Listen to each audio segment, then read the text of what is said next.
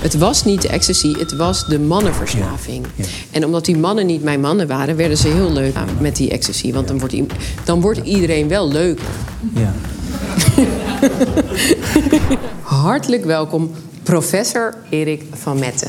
Ik vind rode wijn echt super Ja, lekker. ja. Dus het is ook gewoon... Je, als je altijd al sport en altijd al alles doet... en dan mag je elk één Het dingetje... is heerlijk. En dan kies je uit welke wijn je. Die Ja. Toscaanse wijn hebben. Bordeaux of zo. Natuurlijk. Welkom. Je luistert of misschien kijk je wel naar de podcastserie VAIA onderzoekt verslavingen. En we zijn hier nog steeds met superleuke mensen in Kasteel Woerden, live publiek. Ehm, eerder vertelde ik jullie al dat ik een, nou ja, in het verleden een liefdesrelatie heb gehad met ecstasy. En deze podcast gaat met name over de nadelen van middelen. Maar vandaag ga ik in gesprek over de voordelen van ecstasy. Nou ja, niet ecstasy, maar de werkzame stoffen daarin. Want de gast die ik vandaag heb, die onderzoekt namelijk hoe MDMA eh, voordelig kan zijn bij trauma. Hartelijk welkom, professor Erik van Metten. Dankjewel, Maya. Om hier te zijn. Zou u u helemaal academisch kunnen voorstellen? Helemaal academisch. Ja, dat is een hele lange lijst en die ben ik thuis vergeten. nou, je zegt, ik ben, ik ben hoogleraar, professor aan de Leidse Universiteit. Het Leiden Universitair Medisch Centrum. En ik ben ook psychiater van achtergrond. En eh, academisch is het niet zozeer, maar ik heb vroeger heel veel voor, of heel lang voor Defensie gewerkt. Ik eh, was hoofd van het onderzoekscentrum van de militaire GGZ. Ik had ook een militaire rang. En eh, ben heel lang dus eh, be- bezig geweest in mijn carrière met het werken met geuniformeerde professionals, militairen, die op uitzending gingen of van uitzending terugkwamen. En dat heb ik wel deel van mijn professionele werk eh, laten zijn. En waarom koos u ervoor voor militairen en niet voor normale burgers? Ik zag wel dat u ook normale burgers had behandeld. Normale burgers Ja. en militairen. ja. Ehm, ja, dat is een verhaal op zich. Ehm, ik heb na mijn opleiding tot psychiater heb ik een tijd in Amerika eh, eh, eh, gewerkt. En dat was eind jaren negentig. En ehm, dat was vijf jaar na de val van Srebrenica. We praten dan over begin 2000. Want eigenlijk toen ik daar zat en ik werkte al op het gebied van de psychotraumatologie, kwam er een vraag van wil je niet terugkomen naar Nederland? Want we hebben na die val hebben we eigenlijk behoefte aan kennis nodig, omdat we niet weten op welke manier dat die militairen die daarbij betrokken zijn geweest, hun weg weer weten te vinden. En we hebben eigenlijk behoefte aan onderzoek nodig naar wat gebeurt er. Als je zoiets ingrijpends als de val van Srebrenica, de genocide die daaraan voorafgaand had plaatsgevonden, wat dat met die levens van de mensen doet. Dus toen vond ik het een enorme uitdaging om ehm, daarin te stappen. En toen ben ik eerst als burger, psychiater, Ja. voor Defensie gaan werken. En later vond ik het zo leuk om met jonge mannen te werken en mannen te werken in het uniform. Dat ze zeiden van wil je je ook niet laten militariseren? Zo heet dat dan. Hè? En, eh, toen ik, Ik heb de afbeeldingen van u gevonden met. eh, nou ja, en dan, dat, heb ik, dat heb ik gedaan. Daar ben ik ook trots op. En ik heb er helemaal geen spijt van. Dat is een hele mooie tijd geweest. Maar twee jaar geleden ben ik met, dat heet dan militair pensioen gegaan. Want als je 60 bent bij Defensie, dan ga je met militair pensioen. Oké. En ik zet nu mijn burgercarrière weer, normale burgercarrière weer voort. Maar dat doe ik dan academisch, Ja. als hoogleraar. Ja, en u bent gespecialiseerd in trauma, hè? Ja. Laten we beginnen bij wat is een trauma? Ja, nou ja, goed, daar kun je heel veel over zeggen. Trauma is eigenlijk een aanvoer, het betekent wond. En eh, trauma is wond. Eh, trauma daaraan voorafgaat een verwonding. En daar gebeurt iets wat maakt dat dat trauma ontstaat. Een snee geeft een wond, maar dat mes moet die wond maken. Dus dat mes is de veroorzaker van die wond. Dus trauma is eigenlijk, appelleert eigenlijk aan de verwonding die er is. En als wij dat zeggen zo, dan zeggen we iets is traumatisch. Ja. Of iets is potentieel traumatisch. Dat woord zul je misschien in mijn gesprek met jou wat vaker horen gebruiken. Want niet alles leidt tot iets wat wij een posttraumatische stressstoornis noemen. We maken in het leven heel veel trauma mee. Maar niet alles is uiteindelijk het trauma waar we in het dagelijks leven over spreken. Eh, ja, maar u noemt posttraumatisch. Is dat PTSS? Ja, Maar want er zit ook natuurlijk gewoon nog niet PTSS, gewoon trauma, Ja, toch? ja. En het is ook nog verschillend van, wij kunnen hetzelfde meemaken... en daarvan kunt u getraumatiseerd gevoel raken en ik niet. Ja. Dus het is ook per persoon verschillend. Precies, dat zeg je maar, goed. Maar als je gaat kijken naar een trauma...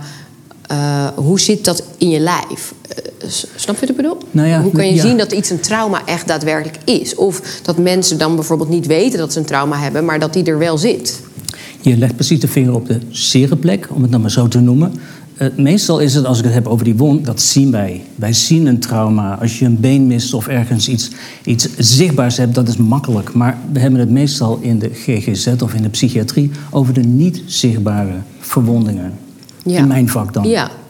En dat is veel moeilijker. Ja, want heel veel mensen weten ook niet dat ze getraumatiseerd zijn. En gaan dus reageren vanuit een trauma zonder dat ze weten dat daar een trauma onder ligt. Dus hoe weet je dan dat je een trauma hebt en wanneer heb je die?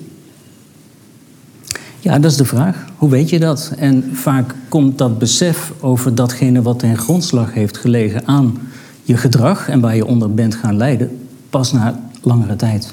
Als je er last van krijgt. Je kijkt bij de oorlog, of wat ik het nou, in, in, mijn, in mijn, mijn, mijn werk bij Defensie, dan weet je een uitzending die kan, hier heb je het, potentieel traumatiserend zijn. Daar kun je last van krijgen, een uitzending. Maar er zijn ook heel veel dingen die we meemaken in het dagelijks leven, die verschrikkelijk kunnen zijn, maar je weet niet dat datgene wat je daarna meemaakt, daaraan verbonden is. Verbonden is. Nee, maar als je bijvoorbeeld eh, bij wijze van spreken een hersenscan van zou iemand kunnen maken die getraumatiseerd is, zie je het dan? Nou, je ziet niet van ook daar ligt het trauma, maar je ziet wel uh, veranderingen in uh, scans, in hersen, laten we zeggen, hersenstructuren, ja, maar ook de wijze waarop de hersenen werken. Als je getraumatiseerd bent. Ja. ja. En... Ja, getraumatiseerd bent ja, en daar last van hebt. Oké. Ja. Oké, dus stel dat je een trauma hebt meegemaakt in je leven. En je hebt daar geen last van in de eerste instantie. Uh, dan zie je dat dus niet in je hersenen. Nee, ik zou het bijna zelfs zo willen zeggen. Dan zie je dat niet. Je ziet het als je er last van hebt. Want zo zetten wij het onderzoek voort op. Je, je kiest mensen. Mensen hebben last van datgene. Maar, dan hebben we het over niet kunnen slapen, ja, ja. adrenaline, prikkelbaarheid, hoog, prikkelbaarheid ja, dat vermijden, uh, snel boos kunnen Drugsverslavingen. Drugsverslavingen, ja. En als je naar die hersenen kijkt, of de hersenstructuren kijkt, dan kun je zien dat die anders werken dan de mensen die misschien ook dat trauma hebben meegemaakt, maar er geen last van hebben. Oké, dan wil ik toch even aanhaken naar een eigen trauma uit mijn eigen leven. Um, nou, eh, wij hebben iets meegemaakt in ons leven. Mijn neefje is uh, uh, vermoord. En in de eerste instantie, door de spirituele opvoeding die we net hebben gehoord van mijn moeder, was ik helemaal in de vergeving. Dacht ik dat ik het helemaal had, een plek had gegeven. En ging ik verder met mijn leven. Mhm. Ongeveer vijf, zes jaar of zo. Vijf jaar, denk ik. Totdat ehm, ik deze podcast ging maken. En ik dacht van, wat is er toch met mij en dat ik mannen niet vertrouw? En toen uh, ging ik met die uh, vraagstuk, waarom ik mannen niet vertrouw, ging ik psilocybine nemen. En ik heb ook gezien online, daar gaan we het zo over hebben, dat je daar ook onderzoek naar doet. Toen ging ik psilocybine nemen. En toen ik in die psilocybine-trip, 40 gram had ik genomen, zat... Mhm. toen was ik ineens terug op de plek waar mijn neefje overleed. Dus ik zag alles weer gewoon zoals het was. En ik had geen last van dat trauma, maar ik heb toen in die trip het herbeleefd. Ik moest heel erg huilen. Ik heb pijn toen in mijn buik gevoeld die ik in het echt, in het hier en nu, in het echt toen het gebeurde, niet kon voelen. Want ik zat denk ik in de overlevingsstand. En ik ben daarna ook gewoon verder gegaan met mijn leven.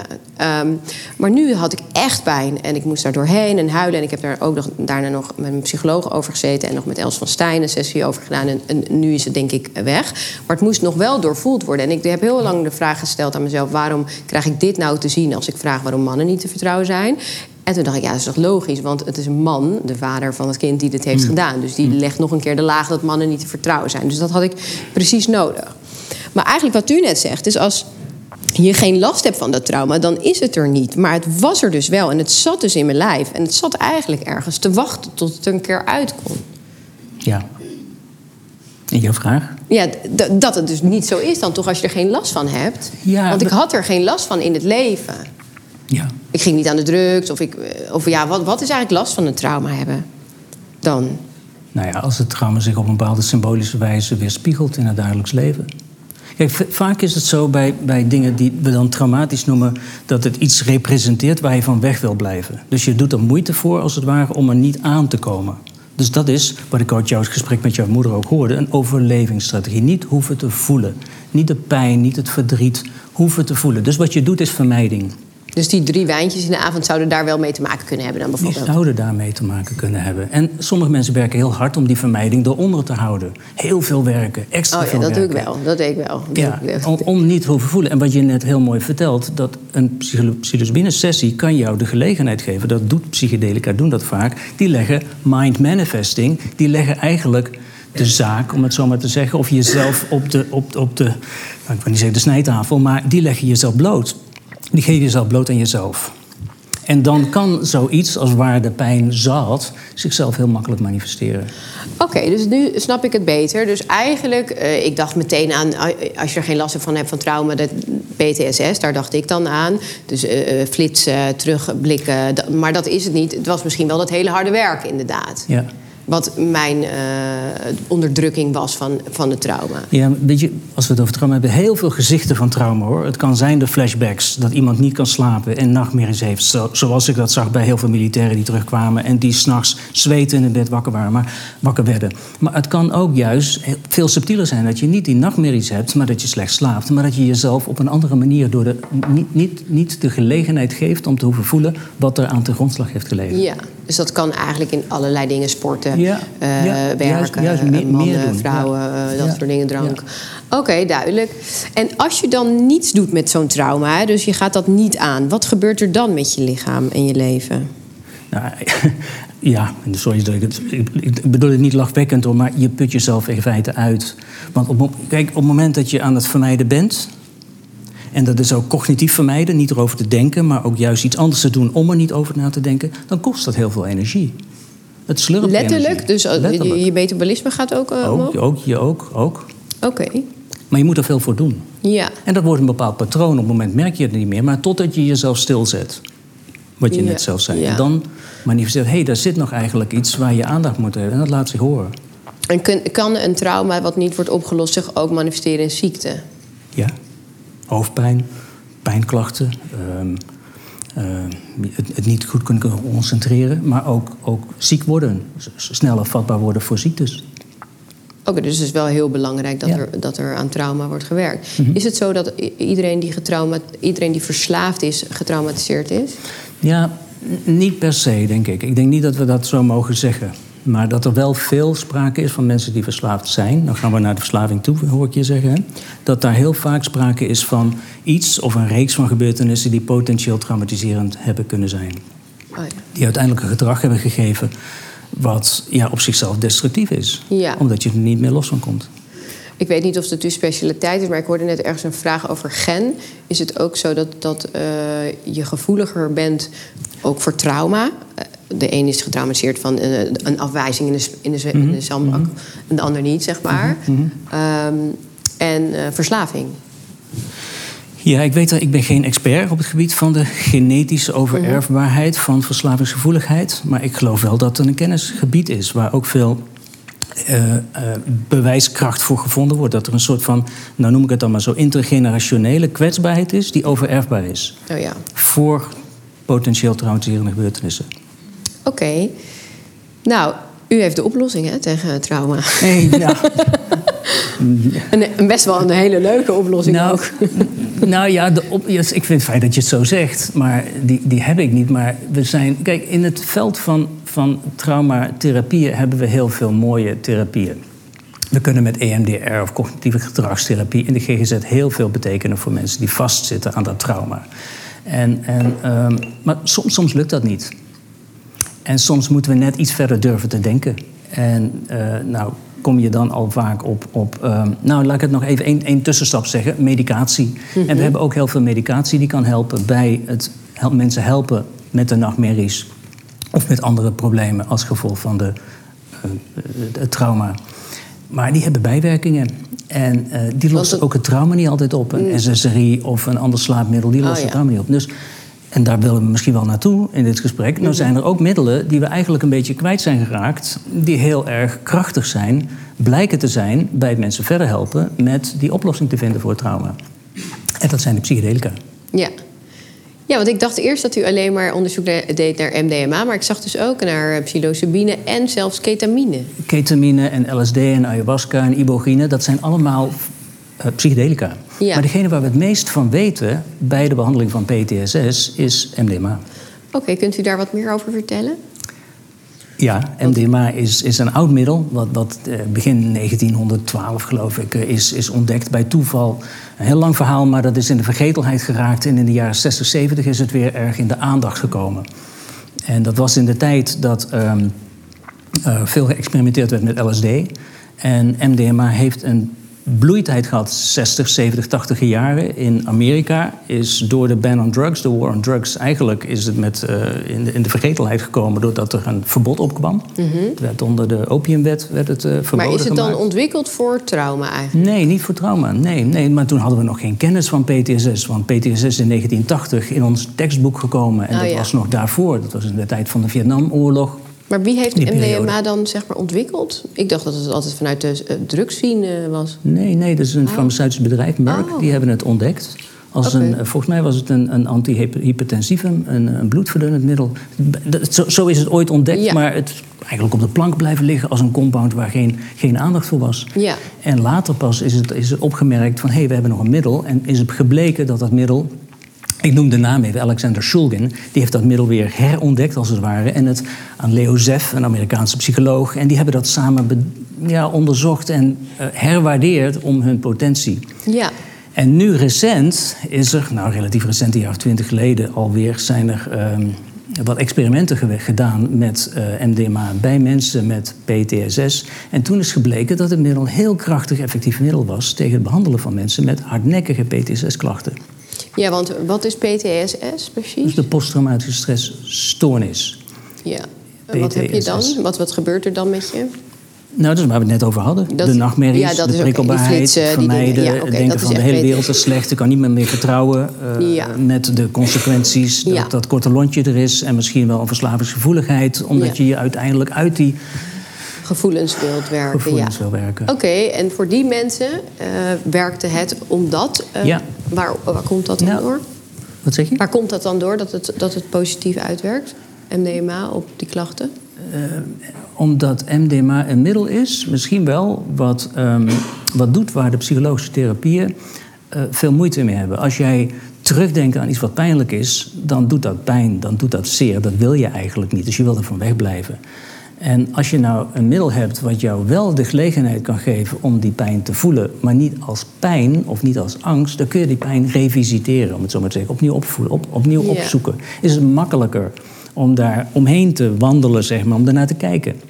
Zonder de pijn zo hard te voelen. Dus dat is eigenlijk een geweldig geschenk eh, dat je dan hebt, omdat je dan wel aan adequate therapieverwerking of traumaverwerking kan komen. Ja, want dan moet, hoe zie ik dat voor? Een, dan heb je een trauma waar je eigenlijk niet naar durft te kijken. Dan neem je MDMA met je therapeut. Dat wordt wel een hele lange sessie dan. Ja, klopt. Ja? dat moet even inwerken. En dan zit er dus iemand bij jou. En je weet, MDMA heeft een halfwaardetijd, zoals we dat dan zeggen, van een aantal uren, vijf, zes uur. Ja, dus een hele, hele lange sessies. We, praten hier niet over, over MDMA-geassisteerde psychotherapie, zoals we het noemen. Ja. Een sessie van drie kwartier of anderhalf Nee. uur. We praten over een sessie die om negen uur begint, s morgens. En om half tien of kwart voor tien neem jij de MDMA. Ja. En we stoppen met een sessie om vijf uur. Ja. Dus dat is een hele dag. Ja, en dan gaat die psycholoog eh, moeilijk, moeilijke vragen stellen. Of die, Nee, nou, die nee. brengt je terug naar de gebeurtenis. Nee, eigenlijk is het tegenovergestelde geval. Als we met eh, klassieke psychotherapie werken, dan willen we dat, noemen we dat trauma-focused psychotherapy. Trauma. We, we zoeken het trauma eigenlijk op. We vragen van, hé, hey, Faya, denk aan toen en toen en wat gebeurde er? En vertel laagje voor laagje precies wat er gebeurde. Hier doen we eigenlijk het tegenovergestelde. Ik, doe, ik maak het overdreven, ik doe nou dit. We doen juist niks. We laten jou de gelegenheid, in dit geval wijs naar jou.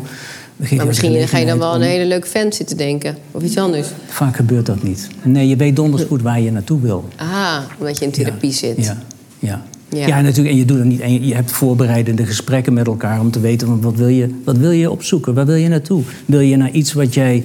Maar is het dan zo, ja, dat is dus hetzelfde als dat Ken- bij mij met die psilocybine natuurlijk gebeurde. Je gaat er Ja. weer naartoe, je ziet het weer opnieuw, je voelt Ja. die pijn, je huilt. Is dat dan het verwerken van een trauma? Dat is onderdeel van het verwerken van het trauma, denk ik. Ja, ja. En weet je, ik denk dat als jij dat zo zegt, ik denk dat het heel mooi is dat je dat zo zegt. Dat, kijk, één psilocybine-sessie of één MDMA-sessie geeft je de gelegenheid om dat te revisiteren, te herwaarderen. Een volgende sessie pel je nog een laagje van die ui verder af. En een volgende sessie daarna geef je de gelegenheid om nog iets anders van die ui af te kunnen pellen. Dus het is niet met één sessie en dan is het klaar. Ik denk dat je een paar van dergelijke sessies hebt om ja, noemen we het in het reinen te komen, om vergeving of, of op een andere manier een transformatie te kunnen realiseren die ook blijvend is. Die voor jou het gevoel heeft van, nou, nou, nou heeft het rust gevonden. Nou, nou is het zichzelf, het laat zich niet meer merken. Dus met andere woorden, die zucht of die drang naar die vermijding, die is er niet, want het is oké. Het is Ja. verdraagbaar. Dus eigenlijk zegt u gewoon iedere maand een psilocybine-trippie. Want dat is gewoon legaal. Nou, Het is ja, je legaal. hoort mij aardig. Je nee, psilocybine, psilocybine in Nederland valt onder de voedingswet. Ja. Of de ware wet, het Ja. middel psilocybine. Dus wij mogen het in Nederland gewoon. Ik mag het niet doen, de therapie. Nee. Omdat het geen goedgekeurde, geregistreerde eh, eh, medicatie is die een psychiater mag doen. Maar er zijn mensen die ehm, eh, trips aanbieden. En die onder begeleiding deze trips eh, verzorgen. Iedere maand vind ik, ja, dat weet ik- Zou je niet doen? Nee, dat Nee, zou ik niet dacht doen. wel van het is nu genoeg. Uh, ik vind het ook uh, wel spannend iedere keer om het te nemen. Ja, weet kan je, me omdat er, maar heel- ook een beetje omdat je het niet kan sturen. Ik heb het niet gestuurd. Ik heb toen niet gevraagd om die. uh, ik wou gewoon waar, ik, ik vroeg alleen waarom vertrouw ik mannen niet. En toen kreeg ik Ja. dat op mijn bord. Toen dacht ik, Ja. wow. Maar ehm, ik ben dan elke keer als ik dat dan neem, denk ik, oh, wat gaat er nu komen, weet je wel? Zo. Maar ik denk, wat, ik weet niet hoe het voor jou was hoor, maar dat het belangrijk is. Kijk, die trip, om het zo maar te zeggen, dat is heel belangrijk, omdat dat openleggend is. Maar het is juist belangrijk om daarna terug te kijken op die trip. Met iemand te gaan zitten, oké, hoe was dat nou voor Een jou? psycholoog. Ja. Ja, en dat niet één keer te doen, maar twee of drie keer te doen. En na die derde keer dan misschien te zeggen, oké, we gaan het nou nog een keer doen. Oh ja. En trippen. Maar ook weer daarna te zeggen, want ik denk dat de waarde juist zit in het terugkijken op wat het voor jou heeft opgeleverd. Dus na de trip, Ja. een dag daarna, een week daarna terugkijken. Ik weet niet of dat er gebeurd is bij jou. Nou, die, eh, eh, toevallig, eh, mijn beste, of beste vriend waar ik mee train, dat is psycholoog, die, die zag ik meteen. Ik had het zaterdag gedaan en daar trainde ik maandagochtend weer mee. En toen vertelde ik het aan haar. En toen zei ze, ja, je moet nu doorpakken, fijn nu doorpakken, zei ze toen Wat is doorpakken? Wat ja, is eh, therapie erop. En ik dacht, ah. ik heb het helemaal verwerkt Ah, zo. in die trip. Ja, ja. Dus toen vond ik Ja. haar eigenlijk in eerste instantie een beetje irritant. Toen dacht ik, ik heb toch al gehuild, dus nu is het toch goed. En, ehm, maar toen had ik weer een dag later afgesproken met mijn coach. Ja. Hij doet dan systemisch werk. En toen ging zij nog een, een tandje erbovenop doen. Ja, en toen, heb ik nog, eh, toen ging zij liggen op de grond, zoals mijn neefje daar lag. En toen heb ik daar nog een kwartier naast haar zitten huilen. Maar daarna heb ik het er niet meer over gehad. Ik heb het toen aan mijn zusje verteld. Ze zijn toen naar de sauna gegaan en toen ging ik het nog aan haar vertellen. En daarna heb ik het er niet meer over gehad. En voor mij voelt het ook alsof het nu oké is. Jawel, maar Maar ik ben nog steeds werkverslaafd. ik plan mijn agenda zo vol Ja. dat ik geen rust heb. Dus er zitten wel dingen dat ik En denk, waarom doe ik dat? Twee, twee dingen. Hè. We hebben het over de ervaring. Ja. vertelt, die kan heel indrukwekkend zijn. Maar we hebben het ook over de therapie. En ik denk dat de therapie zit in het perspectief geven aan de ervaring. Ja, dus dan moet je er met een je- professional nog een keer over praten. Ja, professioneel, ja, liefst wel. En niet één keer, maar juist van ja, wat heeft er voor je opgeleverd? En een week later nog een keer, en een week later nog een keer. En ik denk dat dan de zaken echt op zijn plek kunnen vallen. En, Ja. en dat de angel er meer, misschien meer uitgaat. Of de pijn misschien dan op zijn plek komt. Die je, het gevoel hebt dat je, dat je niet meer in die vermijding hoeft te gaan zoals je daarvoor heel hard nodig had. Om niet te hoeven voelen. Nee, ik denk dat heel veel mensen niet doorhebben dat ze een trauma hebben. Inclusief ik ook niet. Want je, je bent gewoon... eh, Je leven aan het leven totdat je denkt... waarom ben ik nou zo moe? Of waarom ga ik nou altijd door? Ja, of ja, waarom ja. loop ik datzelfde patroon? Ja, ja. Daarom vraag ik daar ook naar door van... hoe herkennen we nou dat we een trauma hebben... en dat we dit moeten doen? Want het is niet altijd die flitsen van een, van een, van een oorlog. Nee, dit- en dat is het makkelijke kant van het trauma. Daar ligt het er heel dik bovenop. En hier gaat het meer over het, ja, wat ik het uit jou, het gesprek met jouw moeder hoorde, het intergenerationele trauma. Dat je denkt, hé hey, verdorie, ik ben hetzelfde aan het doen als, als, als mijn moeder aan het doen is. En, ja, en dat, wil ik eigenlijk niet. Nee. Maar ik doe het toch. Hoe En kan dat? Hoe kan dat? Ja, ja, ja. Maar hoe stop je het, laat ik het zo zeggen? Ja. Door psilocybine of MDMA? Nee, niet door psilocybine. Ik denk eerst dat je bewust bent dat je het aan het doen bent. Dat is een hele belangrijke stap. En ik zag ook de ontlading bij jou op het moment dat je dat dan constateert voor jezelf van, oh verdorie zeg. En dat geeft heel veel pijn aan de ene kant, verdorie. Maar dat je vervolgens pas daarna kunt zeggen, oké, dan neem ik er op een bepaalde manier, we afstand van. Ja, afstand, eh, maar ook wel weer ehm, eh, ac- accepteert. Ook Juist, wel weer ja, gewoon ik denk dat dat mooi is het wat je is wat het is. Ja, Zeg maar, het is, dit, Ja. dit is het. Ja, en, en ik denk dat dat groei is. Dat is therapeutische groei. Dan word je ook als mens.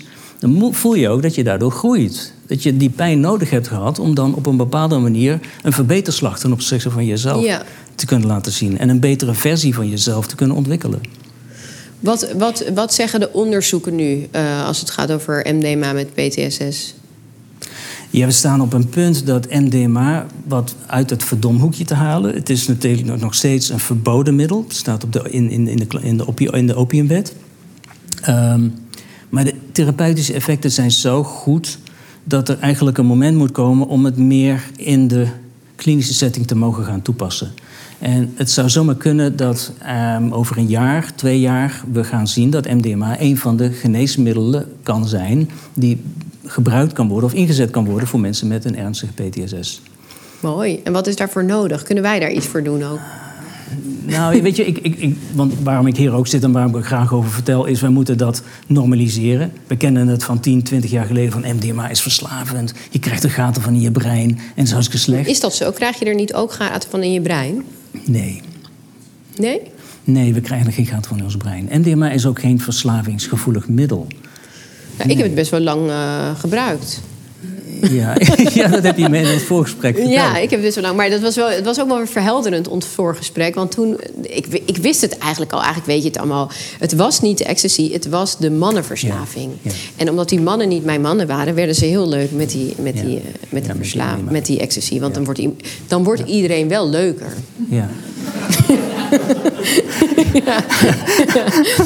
ja, dus, uh, ja, zo is het wel. Ja, ja. Okay. Nee, de wereld ziet er anders uit dan. Ja. En, en, dat is nou precies wat je dan nodig hebt op het moment dat je aan je therapie wil werken. Omdat je het juist, als je je wereld stilzet, de gelegenheid geeft om aan die pijn te Ja, en ook aan, uh, om dingen dan op een andere manier te zien. Ja. Zoals mijn moeder Ja. net ook zei van... ja, dit is hoe jij het ziet. En dat is ook zo. Ja. Uh, want het is niet altijd de waarheid. Want zij heeft het op een andere manier natuurlijk... sommige dingen beleefd als ik. En Ja. ik zie het vanuit mijn visie en van mijn filters... en een ander ziet het vanuit zijn filters. Ja. En een trauma, dat herken ik ook uit mijn eigen leven... dat is soms ook niet helemaal zoals het is gegaan. Je maakt er ook soms iets... Een versie van. Ja, iets anders van, waar je Ja. dan later achter komt. Ja. En wat gebeurt er dan als je aan die MDMA zit? Zie je dan hoe het daadwerkelijk is, of wordt het dan allemaal gewoon zachter? Dat. Ik denk dat het zachter wordt. Maar ik denk dat het ook... Kijk, op het moment dat dat trauma of die reeks traumatische gebeurtenissen... gaat de werkelijkheid zo snel. Dat, ehm, en je bent er zo ver van afkomen te staan dat het te pijnlijk is. Dat het dan goed is als het ware om in slow motion... want zo horen we dat mensen vaak vertellen. Het is alsof ik in slow motion datgene... en ik wijs nu naar mijn hand... datgene weer langs kan lopen. Ik kan er als het ware in een denkbeeldige versie van mezelf omheen lopen... waar ik toen helemaal geen tijd voor had. Nee. Waar ik ook geen aandacht voor had. Nee, wat dat er nog was niet bij mij ook, en dat ja. is ook niet echt gebeurd. En dat gebeurt ook niet echt. Maar in die herwaardering of in die, we noemen dat een correctieve ervaring.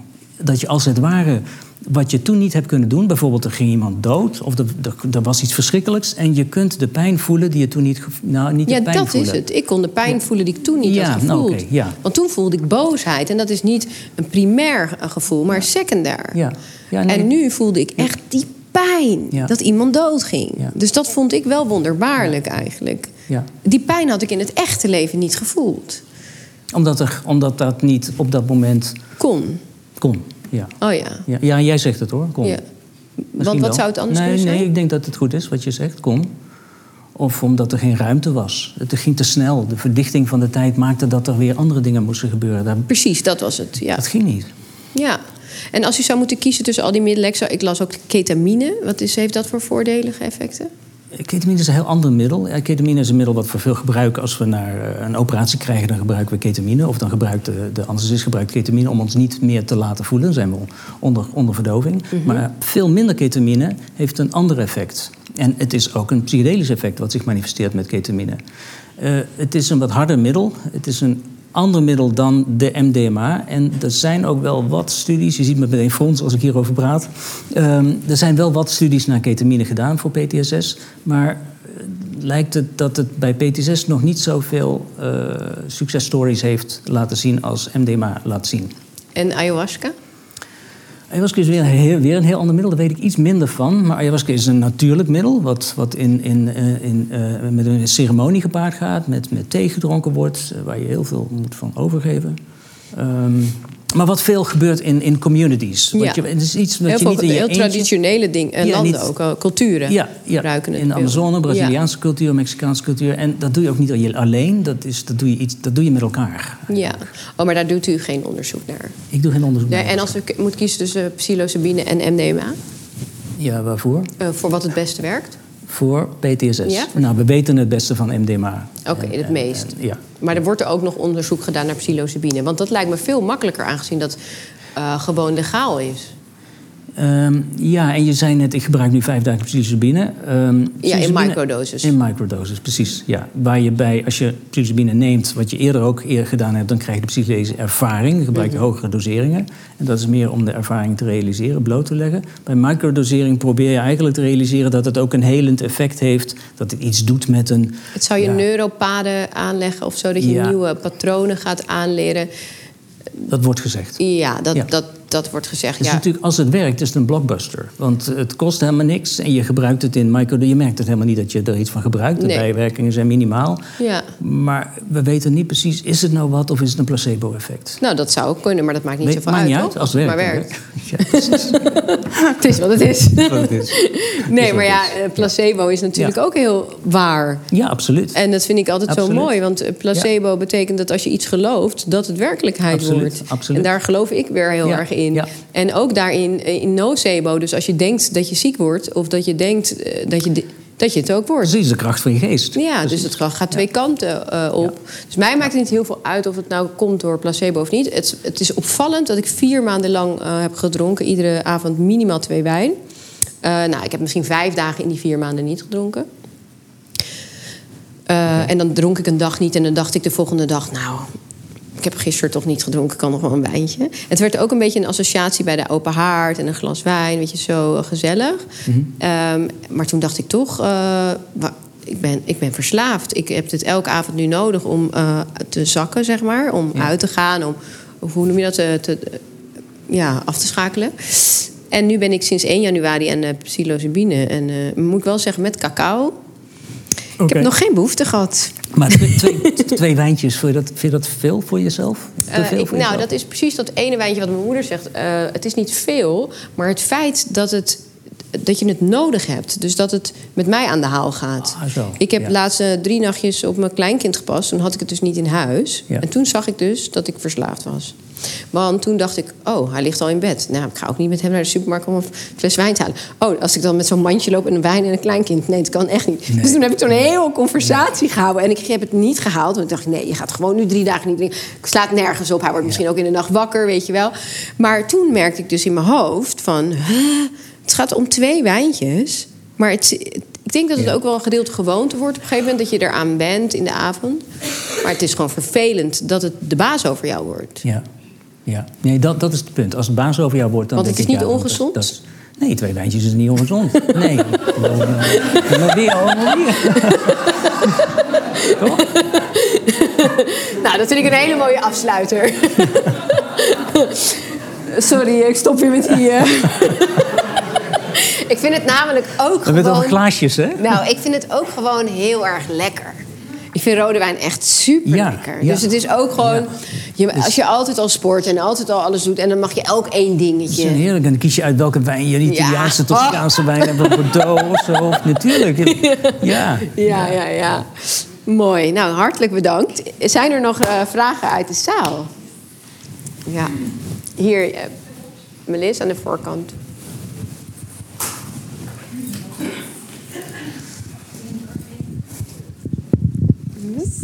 Thank you. Hoi, ik ben Karima. En ik heb het er ook een keer met jou over eh, gehad, Faya. Ik ben eh, Marokkaans en moslim. En eh, mijn vraag is, hoe, of tenminste dat ontbreekt een beetje eigenlijk voor onze gemeenschap. Ja, dit soort medicijnen en depressies, dat kennen wij niet. Wij gaan naar een imam.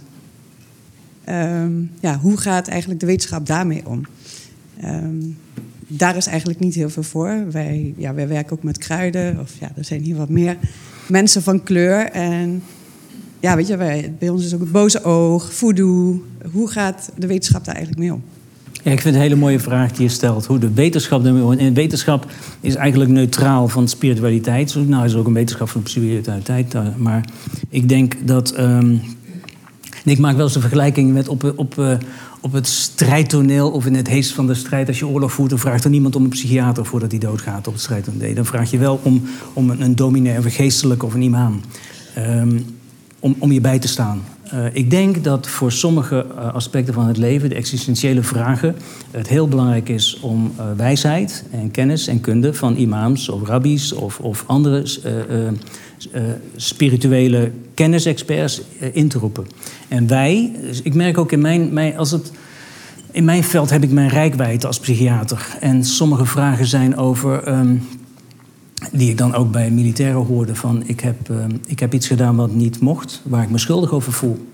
En dan kan ik zeggen, je moet jezelf vergeven. Maar, ja, maar hoe dan? En vergeving is iets wat eerder vanuit een ander, vanuit het hogere of het goddelijke of vanuit een imaan eerder aan jou kan worden aangereikt dan een psychiater daar uiteindelijk bij kan komen. Dus ik denk dat het voor uiteindelijk therapeutische verrijking heel goed zou zijn om te kijken waar je een verbinding kan leggen met die imam of de rabbi of een dominee of een, of een, of een priester. En die een enorme betekenisrelevantie heeft voor die persoon. En ik ben katholiek opgevoed. Dat het kan zijn om een kaarsje aan te steken of een gebed te, te uit te spreken samen. Maar dus, lang antwoord op jouw vraag. Ik denk dat het heel zinvol zou zijn om die verbinding met die eh, eh, spiritualiteit eh, te maken. Ja, Ja. want als je zo'n medicatie, zo'n trip gaat maken... Ja, dan ze bij ons heel vaak zeggen, je bent bezeten. Sorry? Dus als je zo'n medicatie, je gaat in zo'n trip... Ja. dan zal de gemeenschap zeggen, nou die persoon is bezeten. Dus dat wordt Ja. op een hele andere manier. Ja, nee, maar we moeten dat discours, hè, dat, dus we moeten daarover kunnen praten. We Ja. kunnen, moeten daar woorden aan Ja. kunnen geven. En dat zijn ervaringen waar, waar het moeilijk is om daar woorden voor te bedenken hoor. En dat er ook gewoon gezegd kan worden van ja, die is gek of zo. Nee, nee luister naar wat die persoon te vertellen heeft. Wat bedoel je eigenlijk? Nou, daar wil ik nog uit. wel even iets over vragen, maar misschien weet u dat niet. Maar als mensen een eh, dingen hebben, een, eh, hoe heet dat? Een psychose. Soms zeggen ze dan hele rake dingen. Ja. Dat je denkt, hoe weet je dat eigenlijk? Ja, nou, de kunst is om een psychose van uiteindelijk een relevantie voor een betekenis uiteindelijk te onderscheiden. Wanneer is een psychose echt heel raar? Van nu zijn we worden bezet. Nou ja, dus dat Ja. het eigenlijk van de wereld los is. En eigenlijk, eh, ja, om de psychose van de niet-psychose te onderscheiden.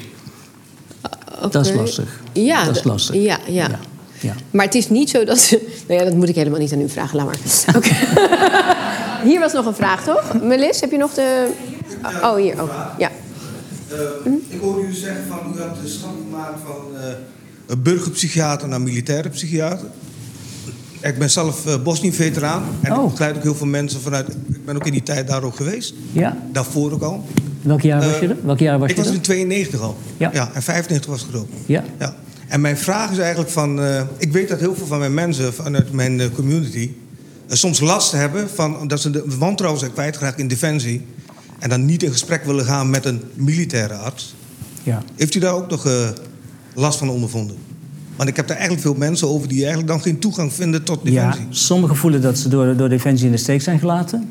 En die willen er niks mee maken hebben. Sommigen die hebben juist behoefte van... ik wil iemand hebben die begrijpt hoe het daar geweest is. Iemand in het groen of die in het groen gezeten heeft. Zo noemen we dat dan, dat je het pak aan hebt gehad. Omdat je dan begrijpt wat een, wat, wat, wat een militair heeft meegemaakt. Eh, die- we zien verschillen hoor. Er zijn mensen die willen niks meer met, met defensie te maken hebben. En Ja, ook die niet met zich hulpverlening. gelaten. Sorry? Die voelen voelen zich in de heel erg in de steek Ja. gelaten. Nou, en ik Ja. denk in die tijd, hè, en dat was ook waarom ik die, die behoefte voelde om, om juist antwoord te geven op die behoefte van we moeten. Daar, daarvoor ben ik ook voor Defensie gaan werken. Als we mensen uitsturen naar een plaats waar oorlog is. En, en dan moeten we ze ook de beste zorg kunnen besteden. En daar heeft Defensie heeft daar een inhaalslag in gemaakt de afgelopen twintig jaar. Ja, ze hebben het eerste stuk verzaakt. Sorry, hè? Het eerste stuk hebben ze verzaakt eigenlijk. Ja, maar jaren. toen in die Ja. tijd ging het niet goed. Nee, we wisten nog na- nauwelijks wat PTSS was en hoe we daarop. Nee, nee, we hebben mensen daar echt in Als ik teleurgesteld. daarnaar luister, dan denk ik... waarom sturen we überhaupt nog mensen naar de oorlog? Ja, nee, van Kunnen ja, we het dat niet is... allemaal gewoon loslaten, Nee, denk ik? we En praten- dat iedereen in zijn eigen land gewoon... We praten begin van 2024. Er is een oorlog in Gaza, er is een oorlog in de Oekraïne. En er zijn allerlei brandhaarden in de wereld. Waar, ja, waar we ook van kunnen zeggen, we willen er niet naar kijken. Maar dat is. Dat Het is is nog steeds gaande. ja, ja. En dan had ik eigenlijk een vraag over de Ja. dosering. Zijn dat microdoseringen? Met de MDMA? Nee, we praten over 80 milligram, 80 tot 120 milligram MDMA... met eventueel tot 160. Hoger gaan we niet in de therapeutische toepassing van MDMA. Hoger dan 160 milligram gaan we niet. Oké, mooi. Dat was ik inderdaad vergeten. Dat was nog een vraag.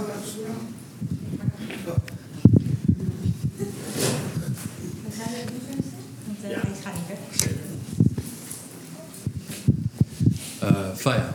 Hallo. Uh, voor jou, hoi.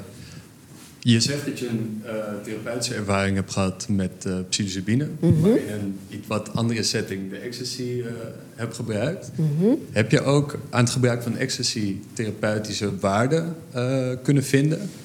En daarna is mijn vraag eigenlijk aan Erik, naar jouw antwoord. Van wat is de invloed nou eigenlijk van die setting op de waarde van een ervaring op MDMA of psilocybine? Ja, een mooie vraag. Nou ja, uh, voor degenen die mijn eerste aflevering hebben, nou, waarbij waren, want hij is nog niet uitgezonden. Ik heb denk ik jarenlang ecstasy gebruikt omdat ik in een relatie zat die uh, destructief was. Dus als ik ga kijken naar die relatie en waar, hoe ik dat heb vol kunnen houden. En ook wel dat uh, codependency voor hem willen zorgen. En wat mijn moeder net zei. En, uh, ik wilde heel graag dat dat werkte, maar dat was eigenlijk niet uit te houden. Uh, dus dus ik kon dat volhouden door die ecstasy. Dus als we gaan kijken naar de therapeutische werking, denk ik wel dat dat een onderdeel daarvan is. Omdat alles verzachte. Wat absoluut natuurlijk helemaal niet goed is. Want de realiteit was gewoon dat ik weg had moeten gaan.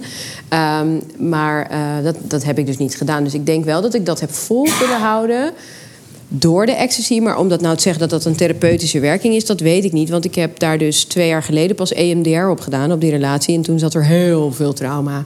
Dus het is niet dat ik het ook nog heb verwerkt met die ecstasy. Eerder, ik heb het mooier gemaakt of zo dan, denk ik. Ja, ja wat, je, wat ik jou hoor zeggen, misschien is dat ook een antwoord op jouw vraag... Dan, dat je MDMA gebruikt ook als een middel om een probleem als het ware op te lossen. En ik denk dat, zoals ik er probeer naar te kijken, is dat MDMA uh, gebruikt wordt als een middel om de psychotherapie makkelijker te maken. En we noemen dat dan een katalysator. Iets, iets wat uiteindelijk een duw geeft aan het proces, wat anders geblokkeerd wordt door de afweer. En dus zo kijk ik naar de MDMA. Dus MDMA is niet de oplossing, MDMA is het middel om een oplossing te realiseren. Ja. Uh, ja. Is er nog een vraag? Ik heb twee vragen. Eentje over verslaving en eentje over um, trauma. Ik vind het heel spannend. Ik heb nu een blackout.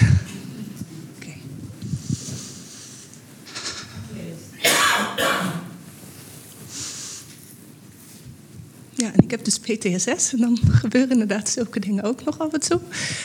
Um, wat voor effect heeft dopamine op verslaving? En wat voor rol speelt dopamine op verslaving? Dat was mijn eerste vraag. Uh, is die mij? Ja, ik, uh, ik weet niet of. Uh, ja. Ik weet dat niet. Kijk, ik, ik heb daar zelf geen verstand van. Ik denk dat een verslaving iedere keer een dopamine shotje natuurlijk is. Hè? Dus op het moment dat je het zelf te weinig dopamine aanmaakt, als je amygdala, amygdala ik weet niet, vergroot is bijvoorbeeld door te veel stress, dan maak, maak je minder dopamine aan volgens mij. Dat is, ik ben geen wetenschapper, maar. Um, drugs geeft dopamine. Dus als je zelf te weinig dopamine aanmaakt, dan is de kans wel groter dat je sneller, denk ik, aan de drugs gaat. Als ik het een beetje zo heb. Maar ja, ik ben geen specialist. Ik doe alleen maar zelfonderzoek. Misschien heeft u er een antwoord op. Nee, maar ik heb het idee van welke vraag komt hierna, want die hebben volgens mij met elkaar te maken. Um, nou, het gaat eigenlijk over uh, complexe posttraumatische stressstoornis. Oké. Okay. Ik ben heel erg benieuwd waarom dat nog niet is opgenomen in de DSM-5. Ja. Als ik het goed zeg. Weet Dat u daar het antwoord op? Jay. Oh. nee, dat is een hele belangrijke vraag ook die je stelt. En daar is heel veel onderzoek naar verricht. En misschien de korte versie is dat er was al een voorstel naar de DSM-4... om complexe PTSS op te nemen in de DSM-4. Dat heeft het niet gehaald. Het heeft het ook niet gehaald in de DSM-5. Het heeft het wel gehaald in de ICD. En de ICD denkt u van, wat is dat dan weer? Dat is een ander psychiatrisch klassificatieschema... wat wij in Nederland niet zo primair gebruiken... waar het wel in opgenomen is. En wat is nou het verschil tussen PTSS en complexe PTSS? Dan denk je, nou, het is de, de ernstige variant of zo van PTSS. Nee, het heeft meer te maken, de complexe variant van PTSS, met, laten we zeggen, interpersoonlijk trauma. En meer te maken met um, de, wat je dan zegt van een, een ja, hoe noemde jij het nou, een, een hechtingsproblematiek... die uiteindelijk ook een hele traumatische basis kan hebben. Met multiple traumata in het vroege kindertijd. En dat maakt de PTSS complex. En de erkenning voor die stoornis is wel in de ICD opgenomen, maar niet in de, PT, in de, in de DSM-5. En betekent dit uh, iets over de verzekering of zo? Mm, ja, Of we, werken, ja, nou, we werken met, we graag, welke graag met stickers en met Ja. klassificatieschema's. En dat heeft wel consequenties voor de Behandelingen. eh, behandelingen Oh, ja. en de vergoedbaarheid. Dus je vraag is misschien veel langer te beantwoorden, maar dit dacht ik van ik moet het even zo neerzetten met deze clusters.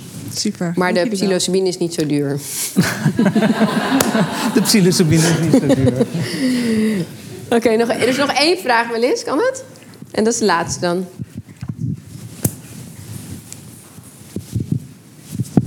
Hallo, ik ben Talia en ik had een vraag.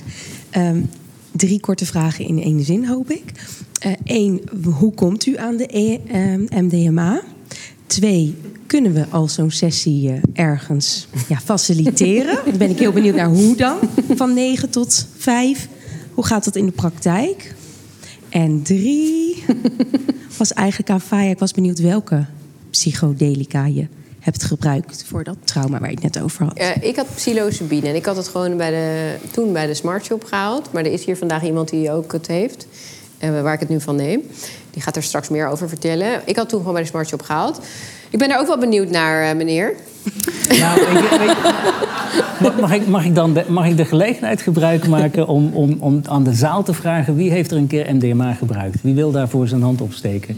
Moet kijken, dus je kunt, dank je wel voor de openhartigheid. Omdat als ik, aan, als ik college geef en ik vraag dit aan geneeskundestudenten... zelf, dan gaat ook bijna alle handen gaan omhoog. Dan kun je volgens vragen, waar krijg je dan die MDMA vandaan? Nou ja, dat hoef ik dan niet te vragen. De, Nederland is een groot, groot exporteur ook van, van MDMA. Dat is allemaal illegaal. We weten nooit of dat het zuiver is en of dat het goed is en dergelijke. Waar ik de MDMA vandaan haal van een farmaceutisch bedrijf... die dat ook mag doen. Als wij MDMA inzetten in eh, de klinische eh, werkelijkheid, zeg maar... dan is dat wettelijk goedgekeurd. Maar dat is mondjesmaat. Want we hebben in Nederland, zeggen en schrijven... acht patiënten behandeld Niks. met MDMA. Acht. Nou, dan kan ik op één, twee handen kun je die tellen. We willen heel graag meer. Maar zo werkt het nou eenmaal in de wetenschappelijke wereld... dat we die goedkeuring en die toestemming moeten krijgen. Dus in Amerika zijn er veel meer gedaan en elders in de wereld ook. Wij lopen in die zin achter, maar we hopen die inhaalslag in te maken... doordat we met gereguleerde vormen van beschikbaarstelling van MDMA... wel kunnen gaan werken in de nabije toekomst. Dus dat is, we- krijgen hem vanuit de farmaceutische industrie.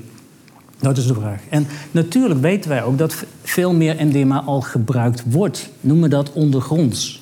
Klinkt Ook- een beetje ik hoorde dat raar laatst ook in, in de sessies. En sommige mensen die voelen dat ook vanuit een moreel appel. Van ja, maar ik kan iemand niet laten leiden. Ik krijg allerlei mooie berichten dat het hartstikke hippie is en, en populair en hartstikke effectief is. En dan moet ik iemand hier laten leiden. Dus dan weten zij dat het ja, eigenlijk niet gereguleerd is en onwettig is. Dat het strafbaar zou zijn om dat te doen. Maar voelen die morele druk heel erg. Waar zij zichzelf in willen verschonen en zeggen van help mij hierbij.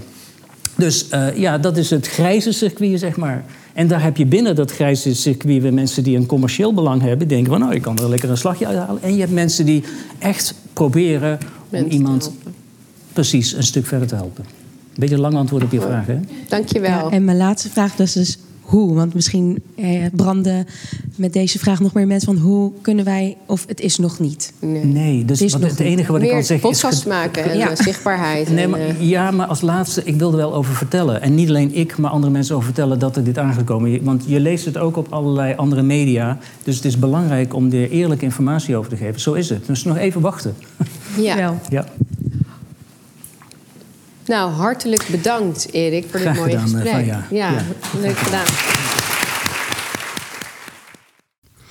Erik Vermette, mooie vent. Echt leuk om te zien dat, ehm, ja, dat er ook meerdere manieren zijn voor trauma. En dat alternatieve, nou ja, alternatieve geneeswijzen ook meer aandacht krijgen. Ik hoop dat er meer geld en eh, meer onderzoek komt naar MDMA, maar ook naar psilocybine en ayahuasca. Dat is nu een beetje het wappiehoekje, maar uiteindelijk doet dat hele mooie dingen. Met name psilocybine heeft bij mij echt veel mooie dingen gedaan en veel heling. Ik heb met heel veel plezier deze aflevering gemaakt. En ik hoop dat jullie met heel veel plezier naar deze aflevering hebben geluisterd. En dan wil ik jullie vragen of jullie, als jullie blij zijn met de podcast, op het knopje abonneer willen drukken. Dit kan ook als je hem op Spotify beluistert. En wil ik je nog even laten weten dat Faya onderzoekt een onderdeel is van Killer Mindset. Mijn nieuwste boek, wat gaat over je mindset veranderen, positief worden en je traumaheling. En daarnaast uh, sta ik eind dit jaar of in oktober in het theater met een Killer Mindset interactieve show. Dat wordt een fantastische show met zang, dans, beweging uit je comfort. Uh, en ik zou het heel leuk vinden als je erbij bent. Onderaan uh, de podcast heb je een link voor de tickets. Tot de volgende keer.